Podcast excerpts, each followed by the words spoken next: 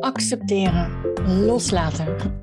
2021 heeft ervoor gezorgd dat ik met vallen en opstaan in weer een heel nieuw level beland ben. Met als resultaat rust, vindingrijkheid, creativiteit en energie. Situaties kunnen accepteren is een heel fijne basis voor een ontspannen leven. Jaren geleden was accepteren en loslaten iets wat ik absoluut niet kon. Hoe vaak ik wel niet het advies gekregen heb om dingen los te laten. Ehm, laat los, Suzanne. Eh, niemand vertelde me erbij hoe ik dat moest doen. Met als gevolg dat ik dingen nog veel strakker vasthield dan, het al, dan ik al deed. Niet voor niets heb ik er in mijn boek Minder Moeten, Meer Plezier een heel hoofdstuk aan gewijd. Net als in 2020 was er ook in 2022 wereldwijd, denk ik, één thema waarbij het vermogen tot accepteren weer eh, enorm op de proef, gesteld eh, werd bij iedereen. Corona. Een, een heel mooi voorbeeld vind ik nog altijd de, de groepsapp, de ouder-app van de basisschool waar mijn kinderen naartoe gaan. In februari 2021 gingen de deuren weer open. Dat was echter nog absoluut geen garantie dat kinderen ook daadwerkelijk naar school konden gaan. Leraar verkouden, kind met een loopneus, klas in quarantaine, gladheid nota bene buiten. Leraren tekort en ik kan nog wel even doorgaan. Pas als het ochtends acht uur was geweest, hadden mijn man en ik er vertrouwen in dat de kinderen ook daadwerkelijk naar school mochten. Maar als er voor acht uur s ochtends een bericht binnenkwam van school, dan leidde dat bij ons allebei tot uh, een schrikreactie. Oh oh, klas weer dicht. Hoe gaan we dat vandaag weer regelen? Op zo'n moment ontplofte die groepsouder-app. Dat kan toch niet en hoe dan? Ik breng mijn kind gewoon naar school. Dat kunnen ze toch niet maken? Um, in het najaar van 2020 stak corona weer enorm de kop op. Juf of meester ziek, geen vervanging, hele klas een week in quarantaine. Maar er was geen ouder meer die reageerde. Niemand meer. Het was gewoon stil. Het is wat het is. Ik regel het wel weer, of niet. Uiteindelijk tikt de tijd toch wel weer voorbij. Voor mij persoonlijk hebben al deze schoolsluitingen, ik denk bij elkaar zo'n 15 dagen naast de reguliere lockdowns, voor heel veel ja, dat klinkt gek, voor heel veel duidelijkheid gezorgd. Ik wist al wel dat een snelle acceptatie van de situatie me heel veel voordelen zou geven. Als ik de situatie accepteer, dan kan ik het loslaten, dan kan ik het achter me laten. En dat geeft mij ruimte om vooruit te kijken in plaats van in die situatie te blijven hangen, in plaats van mij een slachtoffer te voelen. Ik bespaar energie die ik goed kan gebruiken om de dingen weer te regelen en niet onbelangrijk om als blij mens door het leven te blijven gaan.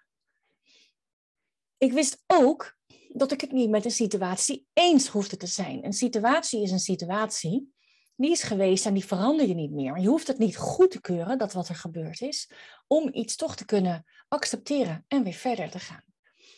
Toch is er, zo ontdekte ik dit jaar, nog een heel ander belangrijk detail, namelijk wat je van een situatie vindt. Wat is jouw oordeel over een situatie? Want als je een negatief oordeel hebt over iets, of je veroordeelt iets of iemands gedrag, ga er maar vanuit dat het niet die rust en ruimte oplevert om vooruit te kunnen kijken, om verder te gaan. Er niets van vinden dus. Vind er maar niets van. Ik geef je een voorbeeld waarbij het lijkt alsof iedereen er een mening over heeft. En dat is die van de discussies over wel of niet vaccineren. Ik vond er nogal wat van, van al die discussies. Waarom zijn mensen zo naar tegen elkaar? Ja, zeker op social media, maar ook face-to-face. Ik vind dat je mensen, dat is althans mijn mening, ik vind dat je mensen niet onder dwang een spuit in hun arm kunt zetten. Je mag mensen toch niet van die vrijheid beroven. En ironisch genoeg, mijn ouders spraken over diezelfde vrijheid, alleen dan net even anders. Zij redeneerden, ja, wij zitten nu opgesloten omdat er mensen zijn die zich niet laten vaccineren. En ik vond die beschuldiging zo raar. Ik vond het zo onbegrijpelijk dat mijn ouders er zo over dachten.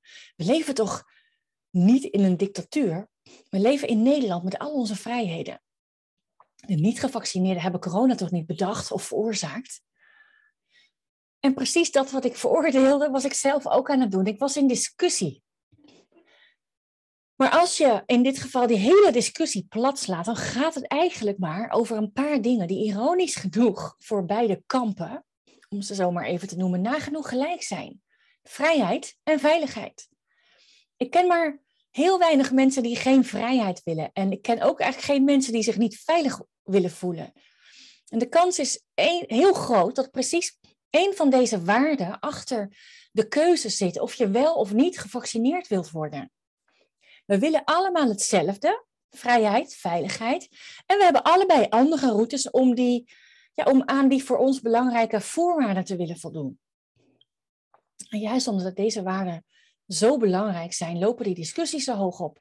Ik vond dat stom en ik deed er tegelijkertijd zelf aan mee. En toen besloot ik er maar niets meer van te vinden. Mensen maken ruzie met elkaar omdat ze allebei ergens iets van vinden. Dat is een feit. Leuk vind ik dat niet, nog steeds niet. Maar met daar, ja, met daar iets van te vinden, los ik niets op, helemaal niets. Ik los wel iets op door er zelf niets meer van te vinden. Namelijk dat er in ieder geval één persoon is die hierover minder discussieert.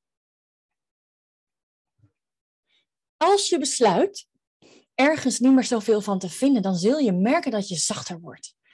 En op het moment dat je zachter wordt, dan uh, komt daar rust en liefde bij. En ik ben van mening, en dat vind ik nog steeds, dat iedereen dat wel kan gebruiken, altijd. Dus vind er maar niets van. Hier, hiervoor hoef je dat wat je raakt, hoef je niet te omarmen. Vind er alleen maar niets van. Ik geef je een ander voorbeeld. En, dit, en deze keer van oordelen over jezelf.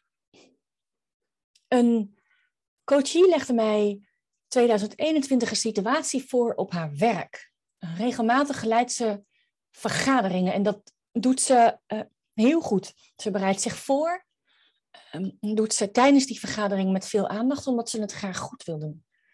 En soms komt ze er tijdens een vergadering achter dat ze over een besproken of al een besproken agendapunt iets vergeten is te melden. En vanaf dat moment lijkt alles mis te gaan, of vanuit haar gezien gaat alles mis, althans voor, voor haarzelf. Het lukt haar maar moeilijk de resterende agendapunten tot een goed einde te brengen. En ze doet enorm haar best om te bewijzen dat ze wel degelijk kennis van zaken heeft en weet waar ze het over heeft. Wat er in dit voorbeeld in feite gebeurt is dit. Tijdens die meeting komt ze erachter dat ze iets vergeten is te melden bij een al afgerond agendapunt. Als je puur naar die situatie kijkt, kun je je afvragen, hoe erg is dat?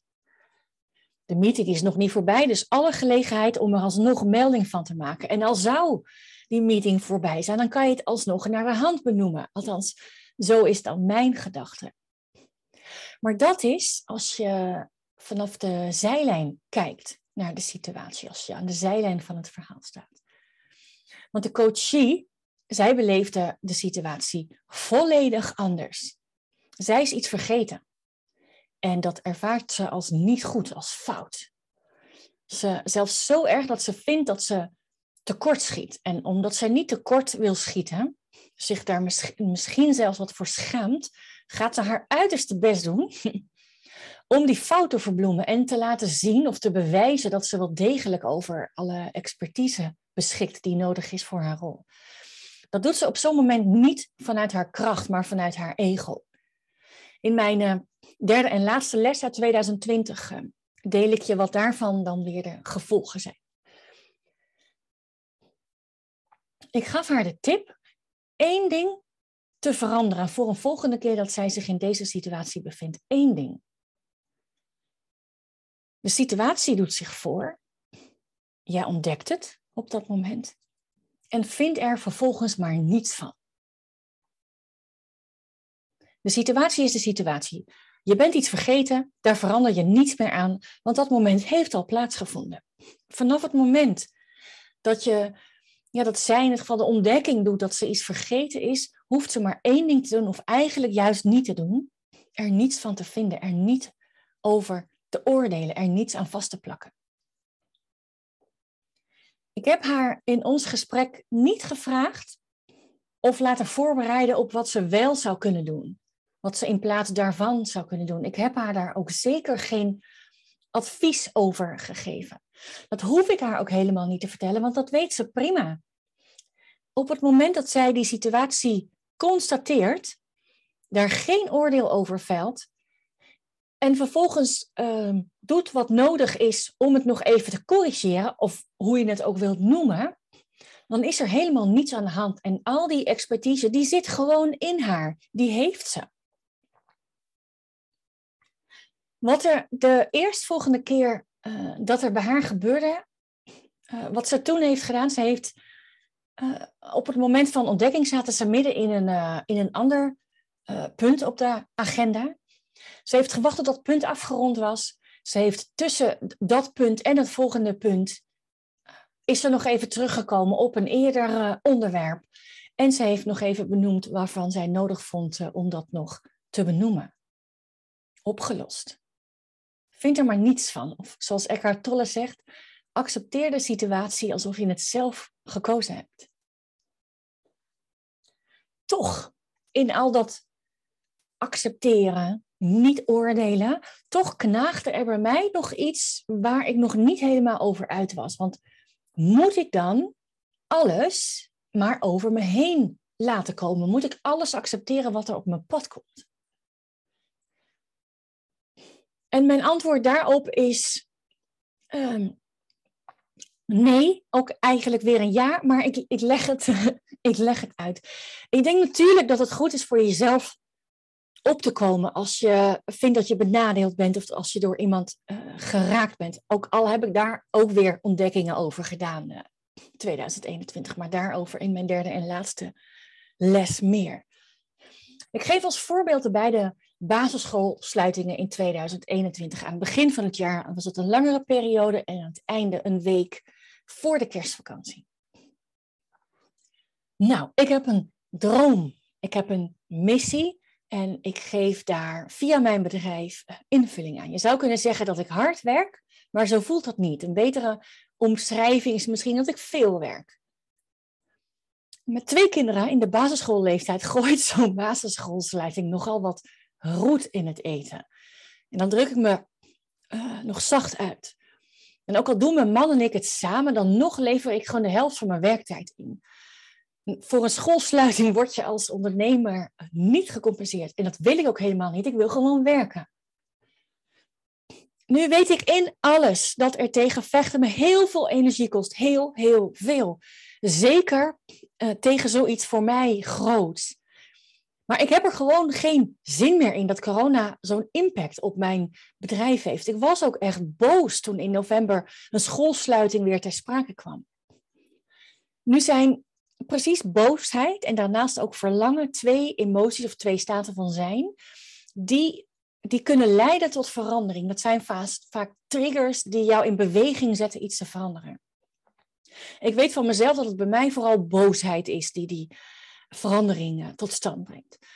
Dus vanuit die boosheid, gek genoeg, besloot ik mijn aandacht niet meer te richten op dat die scholen misschien weer dicht zouden gaan. Ik besloot mijn aandacht te richten op mijn probleem. Namelijk het andere feit dat ik mijn plannen weer uit zou moeten stellen omdat ik de helft minder tijd heb om te werken. Vanaf dat moment ging mijn aandacht eigenlijk helemaal niet meer uit naar die schoolsluiting, maar naar hoe los ik mijn probleem op. En dat is veel gemakkelijker dan vechten tegen die schoolsluiting. Want vechten tegen die schoolsluiting, dat heeft geen zin. Want dat gaat toch wel gebeuren. Nou, uiteindelijk bleek dat in november toch niet nodig, maar alleen het feit dat ik er geen stress meer over uh, wil hebben, uh, heb ik um, nog voor die persconferentie in november heb ik een aantal uh, mensen benaderd in mijn netwerk met de vraag: Goh, als straks die scholen misschien weer dichtgaan, zou je dan mijn kinderen uh, willen begeleiden in het thuisonderwijs? En ik heb een ander gezin ook benaderd, waarvan ik weet dat zij daar ook niet heel gelukkig uh, van werden, om uh, onze kinderen samen die begeleiding te laten doen, om zo ook in kosten te delen. En ehm, ja, dat bleek dus op dat moment niet nodig, maar alleen al de rust die het me gaf van, joh, wat er ook gezegd gaat worden in die persconferentie. Um, ja, ik heb het zo goed als geregeld, dus ik hoef me daar ja, eigenlijk niet meer mee bezig te houden. Dus wat er gebeurde is dat mijn aandacht lag initieel bij, de, bij, ja, bij mijn irritatie over een situatie, de school weer dicht. Dat kan toch niet en dat kunnen ze niet maken en nog veel meer, maar ik kan dat niet veranderen. In plaats daarvan heb ik naar, wat zijn dan nu de gevolgen voor mij? Wat is dan nu in feite mijn probleem? Nou ja, mijn probleem is dat ik dus niet meer zoveel tijd heb om te werken. En vanuit daar ben ik mezelf af gaan vragen: oké, wat heb ik dan nodig en hoe ga ik dat voor elkaar krijgen? Veel gemakkelijker. Dus ook hier heb ik iets van die initiële situatie vinden, maar ja, losgelaten op die schooldagen. En oh, ja, op die laatste schooldagen heb ik me als het ware maar verstopt op het schoolplein om niet al, al het geklaag van begrijpelijke geklaag van alle ouders uh, te horen. En er ook zelf net zo hard aan mee te doen. Want vers is mijn uh, frustratie over de schoolsluiting uh, nog steeds wel. Maar aandacht krijgt het op deze manier niet meer. Dus het krijgt ook geen gelegenheid meer om, om te groeien en veel van mijn tijd en energie in beslag te nemen.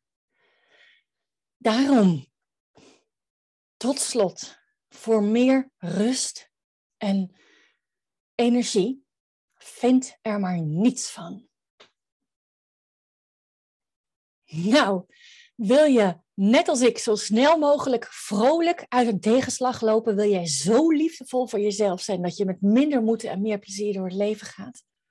Wil je gewoon lekker groot zijn in plaats van klein blijven of je klein blijven voelen? Plan vandaag nog jouw inspiratiesessie met mij op www.suzanveldkamp.com slash inspiratiesessie. En samen ontdekken we wat voor jou de allersnelste manier is.